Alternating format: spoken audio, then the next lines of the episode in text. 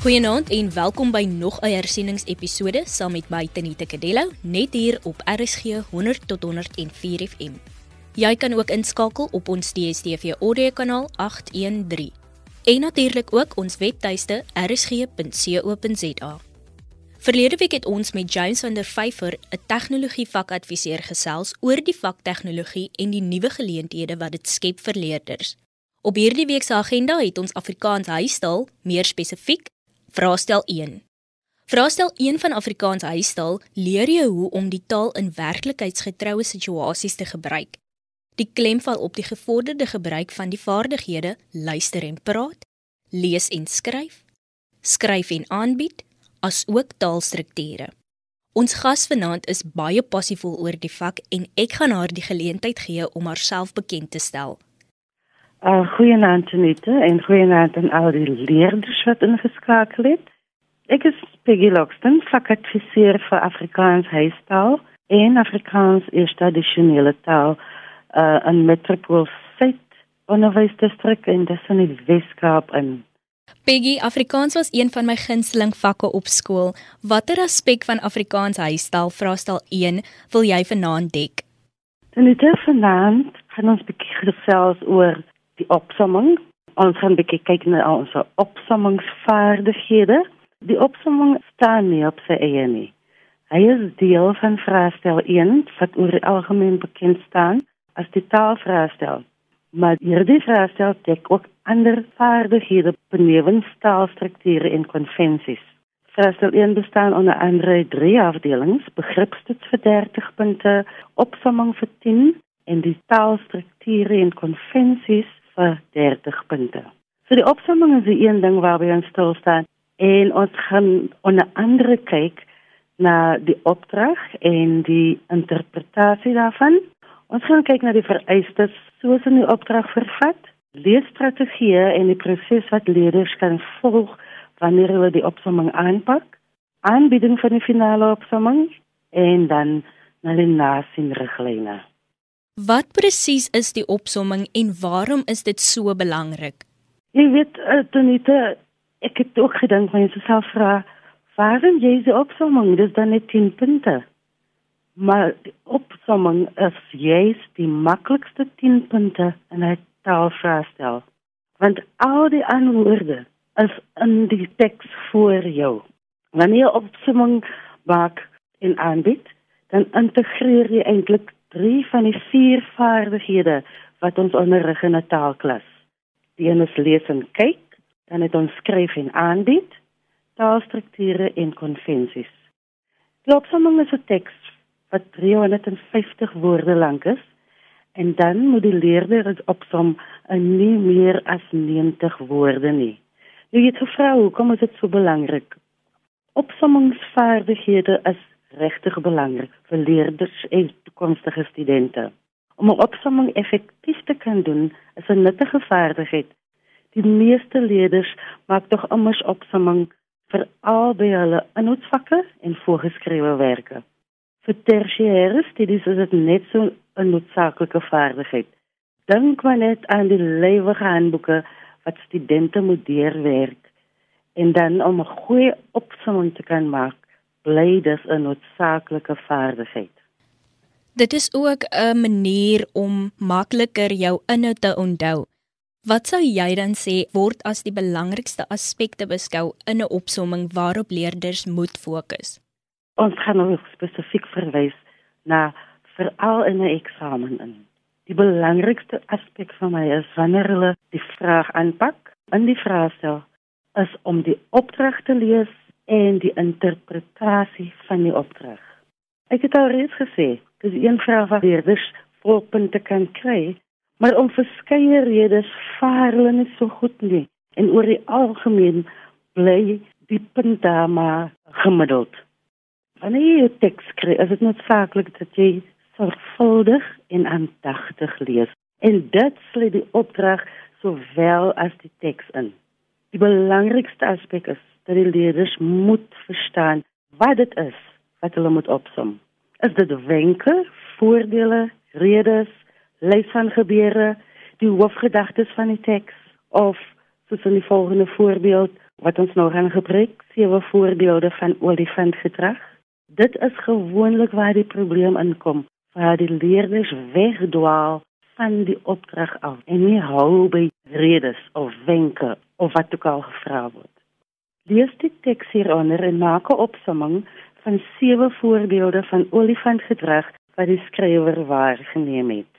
Let wel, daai eerste sinnetjie is vir my die belangrikste een. Sewe voorbeelde, dit sal altyd sewe wees. Sewe wenke, sewe redes, sewe hoofgedagtes en dan is die volgende gedeelte so belangrik, voorbeelde van olifantgedrag wat die skrywer waargeneem het. Dis die opdrag en dit volg die instruksies. Let wel. Jou opsomming moet in jou eie woorde, in volsinne, in paragraafvorm aangebied word. Dit mag nie meer as 20 woorde beslaan nie.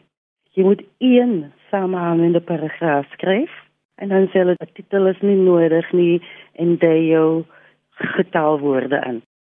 Die tyd dat 'n leerder in matriek kom, weet almal al basies hoe om 'n opsomming te doen tog begaan ons nog basiese basiese foute. As jy sopas ingeskakel het, jy luister na RSG 100 tot 104 FM saam met my Tenita Kadello. Ek en Peggy Lockston, 'n Afrikaanse vakadviseur in die Metropool Suid Onderwysdistrik, doen Afrikaans huistaalhersiening. Kom ons kyk na die eerste opdrag daarvan. Daar's 'n vangplek daar. Die opdrag sê sewe voorbeelde van olifantgedrag. Maar die leerder moenie net tot daar gelees het nie sewe voorbeelde van olifantgedrag wat die skrywer waargeneem het. Dit moet dus waarneembare gedrag wees, dit wat die skrywer kon sien. En sodra jy iets noem wat die skrywer nie kon sien nie, wat 'n afleiding was onder andere, dan is nie meer 'n korrekte feit nie. Die volgende instruksies is standaard, dis altyd jou eie woorde, maar ek sal veel later daarna verwys in die volsinne en die eensame hangende paragraaf. En dan woorde nie meer as 90 nie. Dit is die standaard instruksies by elke opsomming. Uh goed het ek dit nou al reeds verwys na die sewe feite en dat hulle baie seker moet wees wat dit is wat hulle opsom. Later gesels ons weer daaroor. Wat die eie woorde betref, moet die leerders in gedagte hou dat 'n feite teks nie absoluut in jou eie woorde kan wees nie kernfeite gaan nie verander nie. Wat jy wel doen is om die sin in jou eie woorde te skryf sonder om die betekenis te verander. Soms probeer leerders so hard om die feit in hulle eie woorde te skryf dat hulle die betekenis heeltemal verkeerd kry. Die volgende ding is volsinne. Volsinne bly maar vir die leerders 'n uitdaging.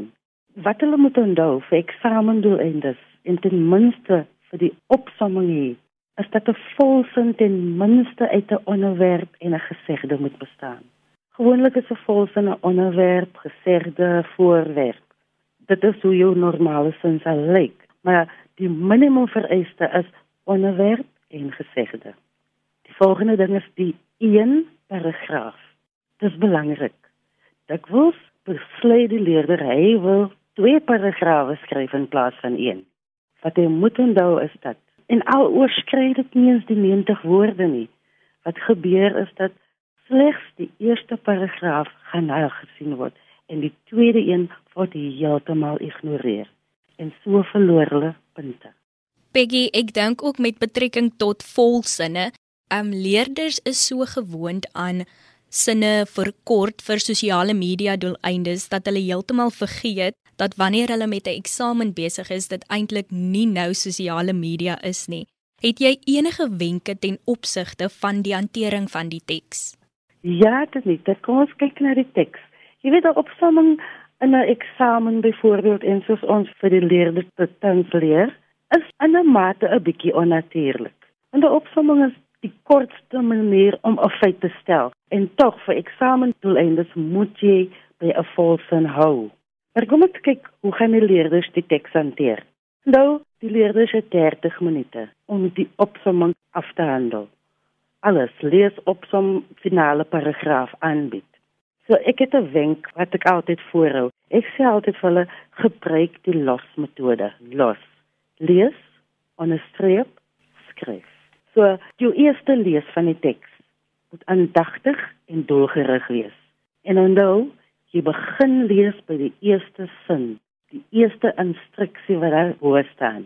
Reg die instruksies en dan begin jy die gegeewe teks te lees. Op hierdie stadium weet jy nou al waarvoor jy soek. So in jou agterkop weet jy die hele tyd ons is op soek na olifantgedrag. Nou, 'n tweede lees is regtig soos 'n soeklees. Nou gaan jy elke feit wat jy identifiseer, elke voorbeeld van die betrokke olifantgedrag, gaan jy onderstreep en jy gaan dit nommer tot jy sewe voorbeelde het. Dit is 'n wenk wat alle leerders nie altyd toepas nie, omdat hulle voel dit vat baie van hulle tyd. Maar ek kan jou beloof, dit gaan hulle baie help. Goed, in jou eksamenboek of in jou werkboek trek jy nou twee kolomme.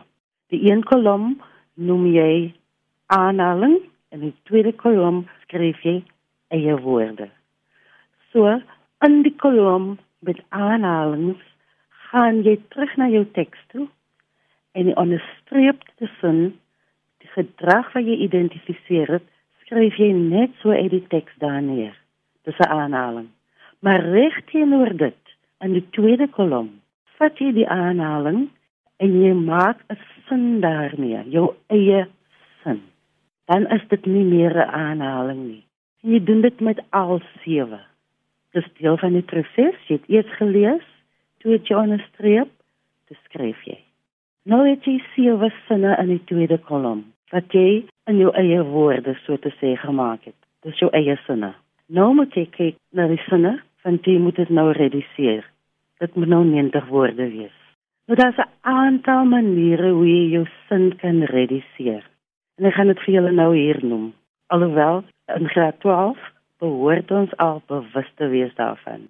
In die eerste plek gaan jy kyk na die sin wat jy gemaak het in die tweede kolom en jy gaan alle bywoorde en byvoeglike naamwoorde wat nie noodsaaklik is nie, gaan jy uithaal.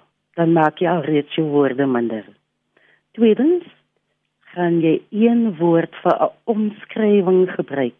Daarmee bedoel ek, veronderstel ons sê olifante rol elke dag in modderpoele. Wanneer jy rediseer dan sê jy olifante rol daagliks in modderpoele. Nog 'n manier om jou sin te rediseer is deur 'n voegwoord te vervang met 'n leesteken. Ek gaan 'n voorbeeld maak tenite. As jy sê olifante rol daagliks in modderpoele om te verhoed dat hulle velle uitdroog. En ek sê ons gaan nou 'n leesteken gebruik om my sin korter te maak te rediseer. Dan sou jy sê Olifante rol daagliks in modderpoele. Kom op punt dit verhoed dat hulle velle uitdroog. So jy gebruik jou komma punt in die plek van 'n voegwoord of voegwoorde. Die laaste wenk wat ek wil gee is dat jy 'n sin van die negatief na die positief moet verander. Veronderstel jy sê moenie op suiker snoepgoed staat maak om jou energie te gee nie baie eenvoudig gestel sou wees vir my eet goed in plaas van moenie en nie. So dit is maniere waarop jy jou aantal woorde kan verminder want jy moet deurgaans in gedagte hou dat jy moet net 90 woorde skryf. En dit alles vorm deel van jou beplanning vir die finale skryf van die opsomming. En die finale skryf jou finale aanbieding is in paragraaf vorm. Peggy, ek onthou dat my Afrikaans onderwyser het altyd gesê jy skryf eers 'n rowwe stuk en dan trek jy 'n lyn deur hom voor jy jou finale paragraaf skryf. Nou waarop moet leerders bedag wees wanneer hulle hierdie finale paragraaf skryf? Luister jy daai van jy moet die lyn deurtrek? Baie belangrik. Ek praat wel later daaroor ook, né? Wanneer leerders hulle finale paragraaf skryf, sewe sinne. Dan moet hulle dit oorskryf in 'n samehangende paragraaf. Dit wil sê hulle gaan nou verbindingswoorde en voegwoorde gebruik waar moontlik. En wat hulle in gedagte moet hou is dat een sin in jou paragraaf kan meer as een feit bevat. So jy kan jou sinne verbind met en en want en sodat en ek kom op punte en so aan want dit is nie een feit per sin nie. Onthou, jy skryf 'n paragraaf. En daaroor, wanneer ons by die nasie riglyne, dan preek 'n bietjie meer uit daaroor ook, né?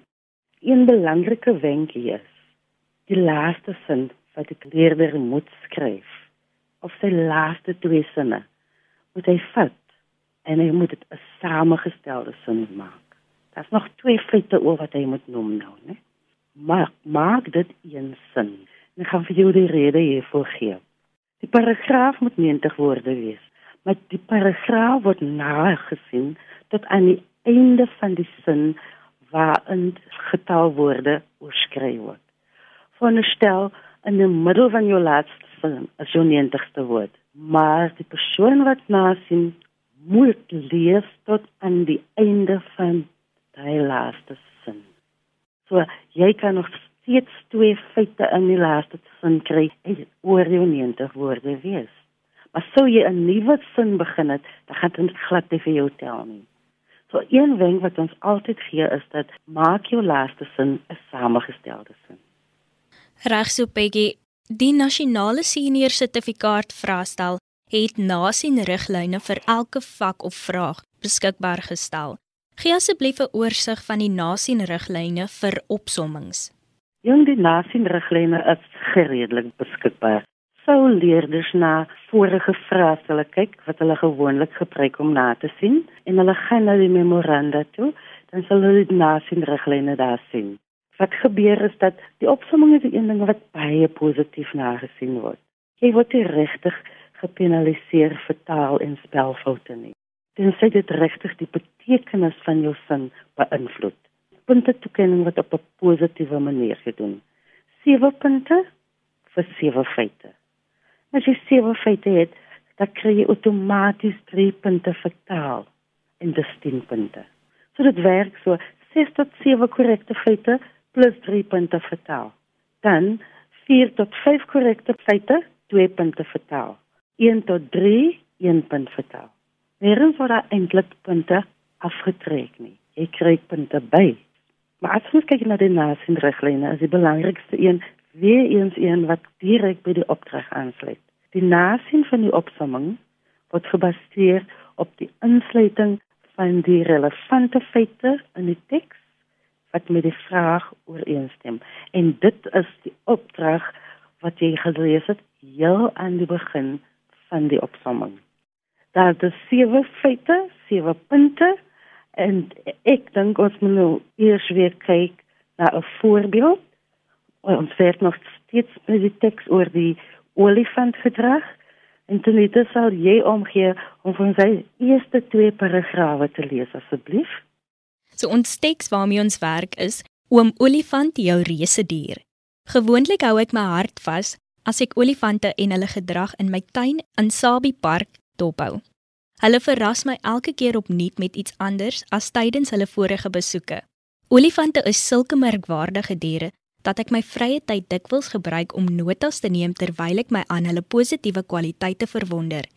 Hierdie diere openbaar in die eerste plek 'n humorsin wat my verstom. Daarom was my lekkerste glimlag ervarings te danke aan olifantplaatjies wat met hulle slurpe waterkanon waterkanon speel.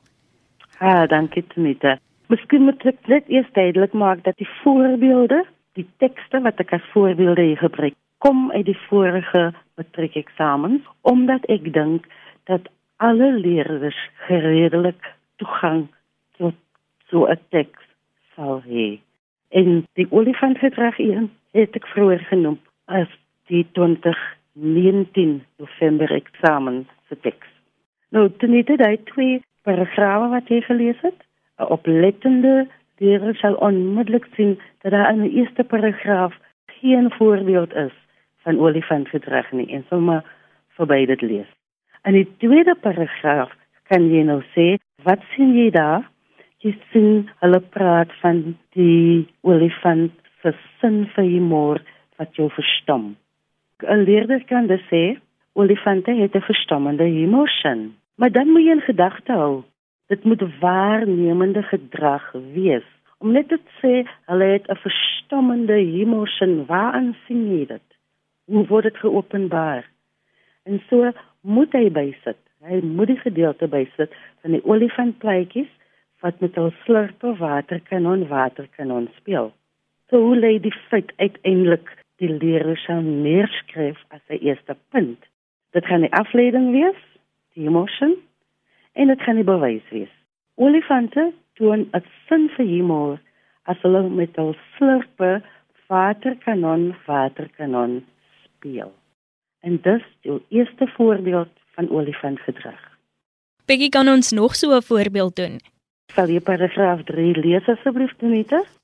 Nes mense se velle uitdroog, word olifante ook met hierdie selfde probleem gekonfronteer. Maar wat nou as hierdie diere nie olifanttroon het nie? Dan word olifante planmakers.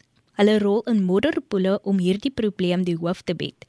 En tydens hierdie ontspannende modderrituele het ek ook verbaas opgelet hoe vindingryk hierdie diere se kommunikasie tegnieke is. Flappende ore van die leierolifante is byvoorbeeld 'n teken dat gevaar dreig. Goed, die eerste ding waarvan 'n leerder bewus moet wees hier is paragraaf 3 is daar twee voorbeelde van olifantgedrag. Sommige paragrawe sal geen voorbeeld hê nie en sommige sal meer as een voorbeeld hê. So jy kan nie daarop staan dat dit uit elke paragraaf 'n feit gaan uithaal nie. In die paragraaf het ons twee van die voorbeelde van waarneembare olifantgedrag, né?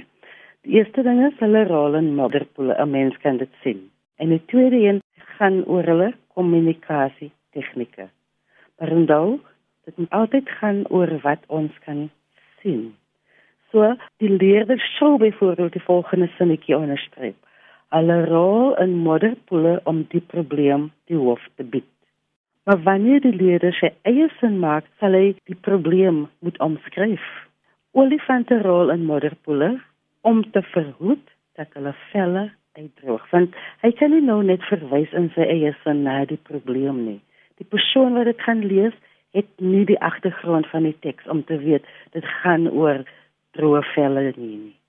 So die kandidaat moet dit noem om te verhoed dat hulle velle uitdroog. Die gedrag word saaklik maar tog volledig beskryf word. Die volgende riglyn wat baie duidelik daar uitkom is dat kandidaat moet die opsomming in hulle eie sinne in enige volgorde skryf. Kan jy die leerders verwys na belangrike bronmateriaal soos studiegidse, webtuistes en sagteware wat hulle kan help om die werk beter te verstaan? Dis eintlik 'n maklike een uh te niete. Ek het al reeds vir jou gesê dat uh die opsomming is deel van vraestel 1 en dit is die taalvraestel. En daar is hoop studie gidse daaroor en webtuistes en natuurlik kan ek kies die gidse van private instansies en uitgewers aanbeveel nie, maar ek kan wel vir julle verwys na die WKOD wat nou in die Weskaap is. Dit is 'n e-portaal en daar is verskeningsbronne vir graad 12 huistaal. En dan die departement van basiese onderwys het ook 'n reeks studiegidse beskikbaar gestel. Onder andere die MTG Mind the Gap gidse. Daar is 'n taalhersieningsgids en hy is redelik beskikbaar. Hy is op die webtuiste van DBO en ek dink alle leerders het toegang tot dit. Leerders moet hulle leesvaardighede opskerp het slegs 30 minute om die opsomming te voltooi. Jy moet dit vinnig en doelgerig kan lees.